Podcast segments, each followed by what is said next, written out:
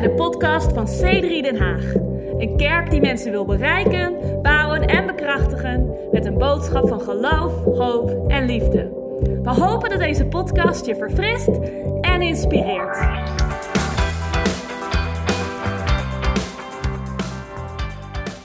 En ik wil met je lezen uit Lucas, dat is geen toeval, maar Lucas hoofdstuk 7, vers 2.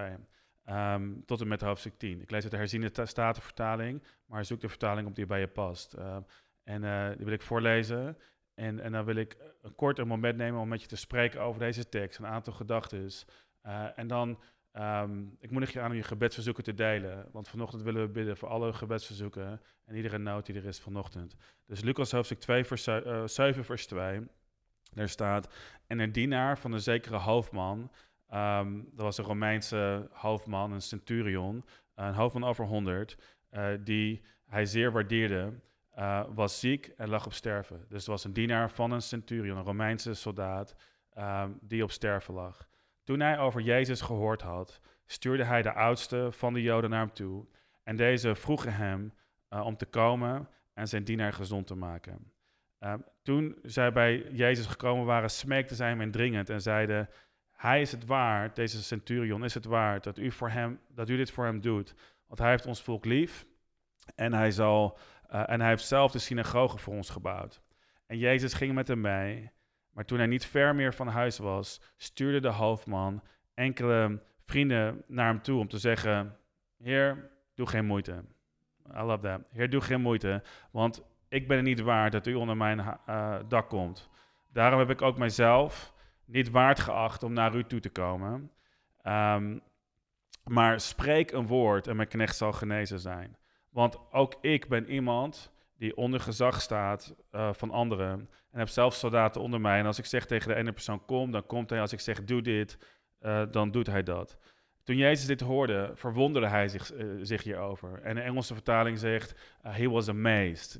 Jezus stond verbaasd over hem. En hij keerde zich om en hij zei tegen de menigte die hem volgde, dus tegen alle mensen die hem aan het volgen was: Ik zeg u, dit was een kleine dis van Jezus, ik heb zelfs in Israël zo'n groot geloof niet gevonden. En toen eh, zij die gestuurd waren in het huis teruggekeerd waren, vonden zij de zieke dienaar gezond.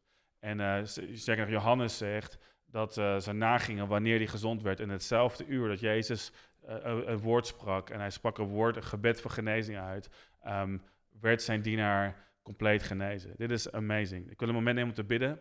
En dan gaan we over deze korte, inspirerende gedachten nadenken. Vader God, we danken u op dit moment voor ieder persoon die kijkt. Um, op dit moment dat u in staat bent om te spreken door uw geest, door video, door audio, maar met name door, door de vertaling van uw Heilige Geest. Ik bid God dat er hier mensen zijn um, die zullen merken en ervaren dat u met hen bent, dat u voor hen bent. In het midden van hun moment in het midden van een crisis. In de machtige naam van Jezus. Amen. Amen. Nou, um, wij zijn allemaal afhankelijk op dit moment van infrastructuur. Uh, zoals nooit tevoren zijn we afhankelijk van internet, um, wifi-verbindingen, kabelverbindingen.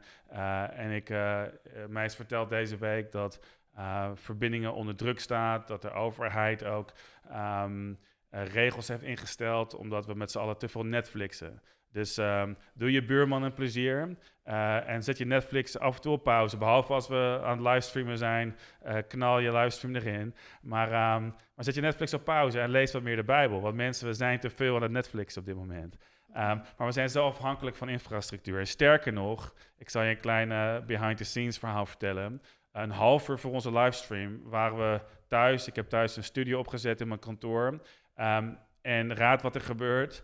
Internetverbinding knalde eruit. Geen internetverbinding. Uh, Nico, een van onze technische vrijwilligers, um, was al een uur eerder naar huis gegaan om ervoor te zorgen dat we kabel helemaal van beneden naar boven konden trekken. We dachten, oké, um, kat in het bakje, zoals we zeggen in Nederlands.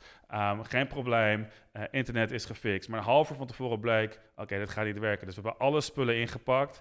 Um, en we zullen op Instagram een foto van onze setup sturen. In, in, een kwartier zijn we naar Helke in de Boeren gereden. En in 10 minuten hebben we dit opgezet. Vandaar dat je enige schoonheidsfouten ziet in deze Nederlandse opname. Maar de Engelse opname wordt, uh, wordt beter.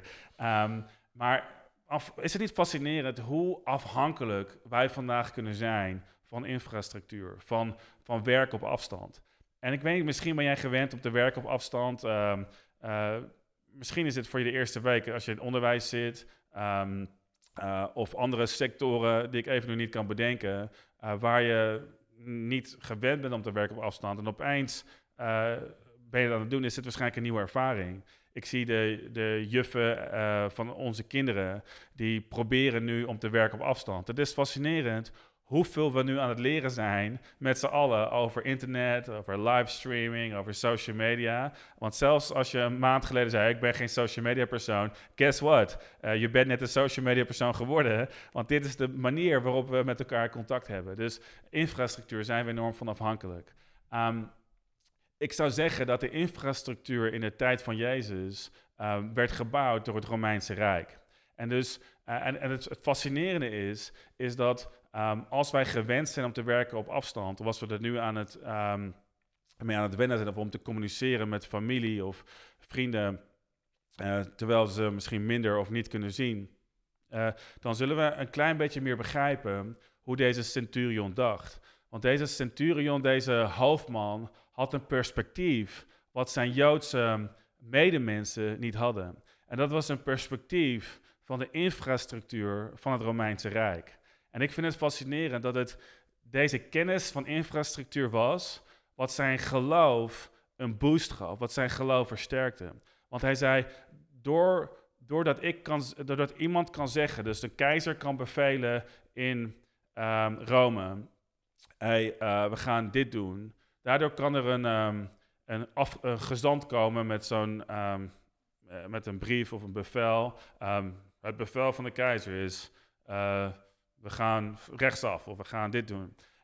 Daardoor moet de hoofdman uh, een bevel geven aan zijn soldaten en duizenden kilometers, ik weet niet precies wat duizenden kilometers verder is, maar honderden kilometers, nou zeker duizenden, duizenden meters, kilometers ver, you know what, de afstand tussen Rome en Jeruzalem gaan we op dit moment niet uitvogelen, maar van een grote afstand wordt gedaan wat een keizer bedenkt um, in, zijn, in zijn paleis of in zijn in zijn hoofd. En dit was het besef wat hij had, wat hem een geloof gaf, waarvan Jezus zei, hier sta ik van versteld. Dit is amazing. Dit is amazing faith. En um, ik hou hiervan, omdat wij vandaag gewend raken, of misschien gewend zijn aan een infrastructuur, die, waar we misschien eerder niet mee bekend waren, of, of, of misschien wel, maar wij zijn bekend, net zoals deze Romeinse uh, hoofdman, met een infrastructuur die ons inzicht kan geven in geloof. Want er waren twee dingen waar Jezus over versteld uh, stond. Eén was het niveau van ongeloof. Jezus kwam op een gegeven moment in een omgeving waar mensen zeiden: hey, is dit niet Jezus, de zoon van Jozef? Is dit niet mijn timmerman? Is het niet de neef van en de, en de broer van? Ik ken hem, uh, ik weet wat hij uitspookt op school. Nou, we geloven allemaal dat Jezus zich goed gedroeg op school, maar um, go with me here. Um, maar kennen wij hem niet, weten we niet wie hij is. En dus ze uh, accepteerden hem niet als een leraar die wonderen deed. En hij kon weinig wonderen doen, omdat, omdat, uh, omdat er geen geloof was. En er staat dat Jezus was verbaasd over het ongeloof. Maar dan zien we hier in deze tekst, de enige andere keer dat we zien dat Jezus Christus, de Zoon van God, God zelf in lichamelijke, fysieke vorm, verbaasd was, was door het niveau van geloof van deze niet-Joodse, deze niet ingevoerde Romeinse hoofdman, die zei, wacht even, Jezus, het is niet eens nodig dat u naar mijn huis komt. Mijn dienaar is ziek. En dit was urgent. Ik wil dat je realiseert. Dit was een urgente ziekte. Hij stond op het punt om te sterven. En hij zei: Doe geen moeite. Ik ben er niet waard. Spreek alleen het woord en het zal gedaan worden. Dus ik wil het met je hebben vandaag over wireless faith, over draadloos geloof, over geloof wat de afstand kan overbruggen tussen deze cameralens en je laptop of je iPhone of je iPad waar je ook kijkt, die, die um, ons kan verbinden met elkaar zonder dat we fysiek bij elkaar zijn. En ik heb er een aantal gedachten over. Dus als je met me mee wil gaan in de komende 15 minuten, uh, geloof ik uh, dat God tot je zal spreken en dat aan het einde van de sessie dat we gaan bidden voor gebedsverzoeken. en, en dat God wonderen gaat doen. De, een gedachte die ik had terwijl ik dit lees, was dat ehm, er niets is als een moment van crisis wat onze nood voor Jezus naar boven kan brengen. Er is niets zoals een crisis om ons te laten zien dat we Jezus nodig hebben. En ik realiseer me dat we op Instagram en social media enorm veel grappen maken over corona. het is grappig, ehm, misschien voor veel mensen, om met een uh, corona een foto te maken om te zeggen: hey, ik bereid me voor op corona. Hashtag coronaproof. Of het is grappig om wc-papier te fotograferen en daar dingen op te schrijven. En we hebben tegenwoordig, er is allerlei corona-humor wat online en viraal gaat. Ik kan daar op zich om lachen en ik heb er geen moeite mee. Dus als je een van die personen bent, um, no worries hier. Er is geen oordeel voor hen die in Christus zijn. En ook voor dit geval, er is geen oordeel voor hen die niet in Christus zijn. Uh, ik heb daar geen persoonlijk oordeel over. Doe wat je grappig vindt en uh, gebruik je humor. Humor is belangrijk op dit moment. Maar ik denk ook dat het belangrijk is om te realiseren dat corona een serieus, een serieus issue is uh, voor ons op dit moment. Uh, er zijn mensen, zelfs uh, verbonden met onze community, die ziek zijn. er zijn mensen die sterven aan corona. Um, dit is een, een serieus iets. Er zijn serieuze consequenties voor mensen op hun werk op dit moment. En dus corona, hoe nieuw het nu ook is in onze eerste coronaweek, um, corona is een serieus issue waar we serieuze antwoorden op nodig hebben. En we, bidden voor onze politici, we bidden voor onze overheden. Um, ik geloof dat het heel erg nuttig is dat we hier verstandig mee omgaan. Maar tegelijkertijd is het fascinerend waar de hoofdman niet naartoe ging. De hoofdman had um, een groot, grote politieke invloed. De hoofdman kon mensen dwingen om dingen te doen. Um, dit was een bezetter van het land.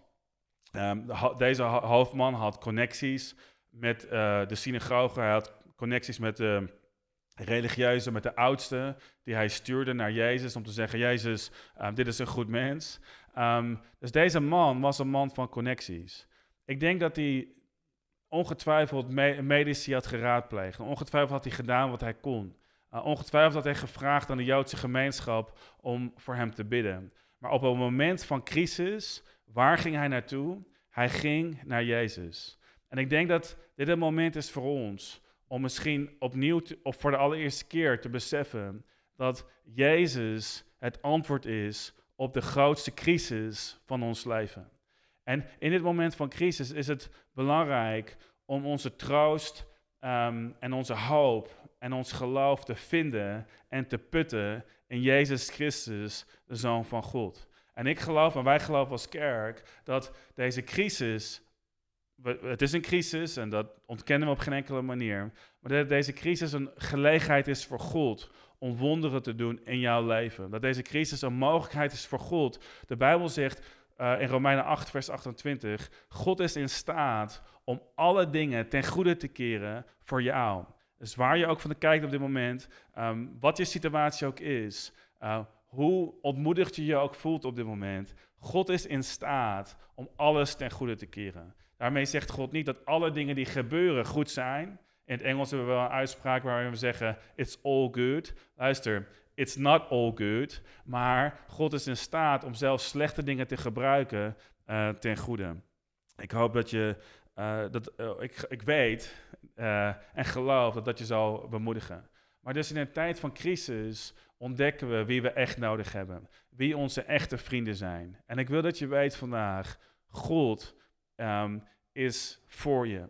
God is niet tegen je.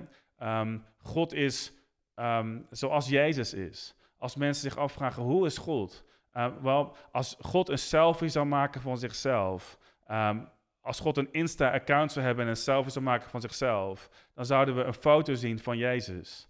En als we zien hoe Jezus omging met mensen, als we zien hoe Jezus omging met deze buitenstaander, deze Romeinse hoofdman, deze legerleider, deze bezetter van het, van het uh, Israëlische volk, dan zien we dat Jezus zelfs tijd had en ruimte had en liefde had en compassie had voor deze man en voor zijn dienaar. En ik wil dat je weet dat in een tijd van crisis God benaderbaar is. Denk niet, oh, um, ik heb niet genoeg gebeden de afgelopen maanden en weken. Ik heb niet genoeg Bijbel gelezen. Ik heb niet genoeg gemediteerd op het woord van God. Um, of ik heb er misschien tekort geschoten in bepaalde zaken. Ik heb geen kans. Luister, vriend of vriendin, terwijl je kijkt. God is voor je. En God gaat met ons om zoals Jezus met ons om zou willen gaan. Jezus had tijd voor deze man. En Jezus heeft tijd voor jou en voor je gebed. Het tweede punt, de tweede gedachte die ik super inspirerend vind, uh, waarvan ik weet dat je zou helpen, is dat ons geloof is niet locatiegebonden. Ons geloof is niet gebonden aan een fysieke locatie um, en daar niet door beperkt. Um, dit was buitengewoon in de tijd van Jezus. Dit was iets wat um, deze man begreep, nogmaals, omdat hij begreep hoe infrastructuur werkt. Hij begreep um, hoe een chain of command, een, hoe een bevel werkt. Hij begreep dat als je autoriteit hebt, dat je niet hoeft te zijn in de fysieke plek waar je bent om samen te komen. Hij begreep ook dat hij een onderdeel was van het Romeinse leger en van het Romeinse volk. Hij was hoogstwaarschijnlijk een Romeins staatsburger, zonder dat hij fysiek in Rome was, zonder dat hij fysiek um, uh, aanwezig was um, bij het hof of bij de keizer. En ik hoop dat we ons kunnen realiseren vandaag dat we niet fysiek hoeven samen te komen om samen te zijn. Um, dat we kunnen weten dat ons gebed voor elkaar op dit moment werkzaam is. En we hebben nooit zoveel, um, uh, als we mensen bellen, nooit zoveel gehoord als we vragen: wat kunnen we voor je doen? Um, we hebben nooit zo vaak gehoord als nu. Maar het enige wat je kan doen is voor ons bidden. Maar laat me je zeggen, vriend of vriendin, gebed is niet um, een soort van wanhopig laatste middel. Gebed is onze kracht. Uh, God is onze toevlucht. God is onze rots. En door te bidden voor elkaar zullen we wonderen zien. En zullen we zien dat God um, gebed beantwoordt. Dus vandaag als we bidden, dit is niet minder krachtig dan een dienst op zondag in het Diligentia Theater. Dit is niet minder krachtig dan het opleggen van handen uh, op de zieken en ze zullen herstellen. Misschien zijn er mensen waar je voor wil bidden vandaag, uh, waar je niet fysiek bij kan zijn vanwege uh, corona. Um, maar ik wil laten weten dat ons gebed werkt. Um, ons gebed is draadloos. Um, ons gebed is niet gebonden aan een fysieke locatie. Dus denk niet, puur omdat ik niet fysiek aanwezig kan zijn bij mensen die God nodig hebben. Daardoor is ons gebed minder krachtig. Nee, nee, nee. Het is hetzelfde geloof, hetzelfde gebed.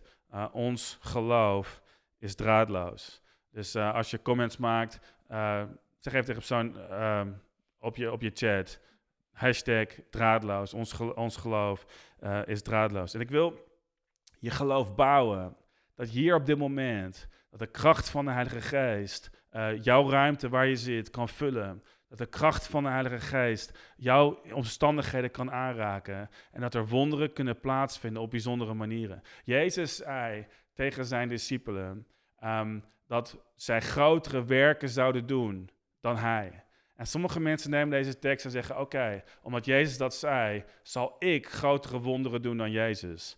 Um, laat me een kleine reality check geven, even met beide, beide voeten op aarde. Jij persoonlijk gaat geen grotere wonderen doen dan Jezus. Jezus, stond, uh, Jezus stierf voor de zonde van de complete mensheid. Jezus stond op uh, en Jezus nam de plek in aan de rechterhand van God. Uh, verkreeg de autoriteit boven alle autoriteiten, de kracht boven alle, alle krachten. Er is geen wonder zo groot als het wonder van de kruis en de opstanding van Jezus. Maar waarom zei Jezus dit? Ik geloof omdat Jezus zei: Ik alleen um, kan een aantal dingen doen, maar als, als volk, als mijn lichaam, zullen jullie samen als collectief, zullen jullie grotere wonderen doen dan ik hier in mijn eentje op aarde. En is het niet fascinerend dat precies livestreamen, um, de kracht van social media, ons de gelegenheid geeft om als collectief, om meer wonderen te zien gebeuren uh, dan ooit tevoren. En dus wij samen, door ons geloof, door jouw geloof op dit moment, um, kunnen grotere wonderen zien gebeuren dan dit wonder hier op dit moment. dat Jezus een woord gaf en dat de persoon genezen werd. Misschien kunnen we op dit moment een woord geven en kunnen er tientallen mensen genezen worden. Misschien kunnen we bidden en kunnen we ehm, een crisis omgekeerd zien worden. Maar luister, samen kunnen we zien dat God deze situatie ten goede gebruikt. Hoe donker en hoe duister um, het ook kan aanvoelen. Maar ons geloof is niet locatiegebonden. Laat me eindigen met twee gedachten. Dus we eindigen nog niet. Maar laat me je twee gedachten geven voordat we afsluiten. Um, en voordat we zo meteen met onze Engelse stream beginnen. Mijn derde gedachte die ik heb als ik deze tekst lees, is geloof is nederig. Geloof is nederig. Um, ik hou hiervan omdat deze man had geen enkele terughoudendheid om de oudste van de Joodse gemeenschap uit te sturen. Om te zeggen, kun je bidden, kun je komen naar mijn huis en kun je bidden voor mijn dienaar, mijn dienaar is ziek. Um, tegelijkertijd um, stuurde hij andere mensen om hem aan te bevelen. Ik denk dat hij dat deed omdat hij, um, hij zou het misschien druk kunnen hebben gehad, maar ik denk dat hij dat met name deed omdat hij het gevoel had dat hij de bevestiging van anderen nodig had om een wonder te kunnen ontvangen van God. Um, halverwege stuurt hij uh, een dienaar erop uit en zegt: Jezus, ik ben er niet waard dat u in mijn huis komt. En ik denk dat het belangrijk is om te realiseren dat echt geloof een nederige houding heeft. Um, deze man was niet bang en schroomde niet om Jezus te vragen voor hulp. Maar tegelijkertijd wist hij ook dat hij tekortschoot. Hij wist ook dat zijn nood voor God groter was dan zijn geloofwaardigheid. Dus hij, um, hij was nederig. Hij uh, erkende dat hij geen oplossing had voor dit probleem. Zo machtig en sterk als hij was in zijn beroepsveld, zo machteloos was hij op dit moment um, in deze situatie. En misschien, um, misschien is er niets als een crisis, zoals een crisis zoals deze, om ons op onze knieën te brengen. Om te zeggen, God, hier ben ik. Ik ben beperkt, maar tegelijkertijd weet ik, God, dat u onbeperkt bent. En um, het is een gekke gedachte misschien, maar nederigheid helpt ons om een groter geloof te hebben in God. Want wanneer we geen andere optie hebben dan Jezus, dan zullen we onszelf volledig op Hem werpen. En een van de aspecten die we nu merken is dat voor veel van ons is dat vreemd. Dat, um, dat onze zorgstelsel geen antwoord heeft voor op onze gezondheid. Voor veel mensen is er een angst van onzekerheid. Dat als er iets zou gebeuren, als je griep zou krijgen, als je corona zou krijgen, wat zal er gebeuren? Maar ik denk dat het in een bepaalde manier ons kan helpen. Niet dat corona goed is, niet dat God het heeft gecreëerd, voor alle duidelijkheid. Maar dat het ons kan helpen om nederig te worden, om te zeggen: God, hier zijn we met onze westerse gedachten, met onze um, wetenschap en alles wat we kunnen en wat we kunnen googlen en alle data die we hebben. En toch staan we hier en we hebben u opnieuw nodig. En ik hoop en ik geloof dat er mensen zijn hier vandaag die, al ben je op dit moment een volger van Jezus, misschien kun je op dit moment um, een nieuw geloof, uh, misschien kun je je geloof rebooten en kun je ervaren opnieuw en een beslissing maken dat God je redding is, dat God je toevlucht is, dat God de rots is waarop je je leven kan bouwen. De laatste gedachte is dat geloof simpel is. Waar, wat ik inspirerend vind, is deze man had geen grote theologische redenering uh, waarom Jezus hem, zijn dienaar zou gaan genezen. Hij had geen oud-testamentische citaten. Hij had geen um, belofte van oude profeten uit de geschiedenis. Hij zei: Ik ben een man die begrijpt hoe werken op afstand werkt. Ik ben een man die begrijpt hoe uh, de chain of command, de commandostructuur uh, op mijn werk zich voordoet. Dat is de kennis die ik heb. En alles wat ik weet is als ik een woord spreek, dat mijn dienaar het uitvoeren. En hij nam die logische redenering en, en, en dat werd in geloof, waarvan Jezus zei, ik sta versteld over dit geloof. Want zijn redenering was zo simpel. Zijn redenering was zo eenvoudig. En waar ik je mee wil bemoedigen is, je hoeft niet uh, vloeiend Hebre Hebreeuws of Grieks te spreken. Je hebt geen master uh, diploma nodig van een, van een bijbelschool. Je hebt geen papiertje nodig je hoeft niet eens per se alles te weten wat er in de Bijbel staat om geloof te kunnen hebben in Jezus. Jezus zegt, alles wat je vraagt aan de Vader in mijn naam zal ik je geven. En als het zijn wil is, ehm, dan zal hij het doen. En zie, de Bijbel uh, geeft ons ehm, honderden beloftes uh, die ons uitleggen wat de wil is van Jezus. En waar, wat het mooie is, hij zei, spreek alleen het woord en het zal gebeuren. En wat ik je wil laten weten vandaag is, God heeft ons zijn woord gegeven. God heeft ons zijn Bijbel gegeven. En zijn woord bevat de wil van God. Er kwam een, uh, er kwam een Melaatse man naar Jezus. Um, en er was eigenlijk geen genezing van melaatsheid. Melaatse mensen moesten gescheiden worden van de rest, moesten, moesten roepen onrein, onrein. Er was geen hulp voor melaatse mensen. Hij kwam naar Jezus en hij zei, Jezus, als u het wil, kunt u mij genezen. En Jezus, staat in Marcus hoofdstuk 2, werd bewogen met ontferming. En hij werd bewogen met liefde en hij keek hem aan. Hij raakte hem aan en hij zei, het is mijn wil, word genezen. En ik wil je laten weten dat het woord van God spreekt over de wil van God. De woord van God is een openbaring van wat hij wil. Hij heeft ons zijn woord gegeven. Dus we hoeven vandaag niet te wachten op een wonderbaarlijk bezoek. We hoeven vandaag geen neonteken in de, in de lucht of op internet te zien. Um, we hoeven geen engel te hebben die ons bezoekt om te zeggen, dit is de wil van God. Genezing is van jou. Nee, nee, God heeft gezegd in Jezaja 53, door mijn streamen ben je genezen.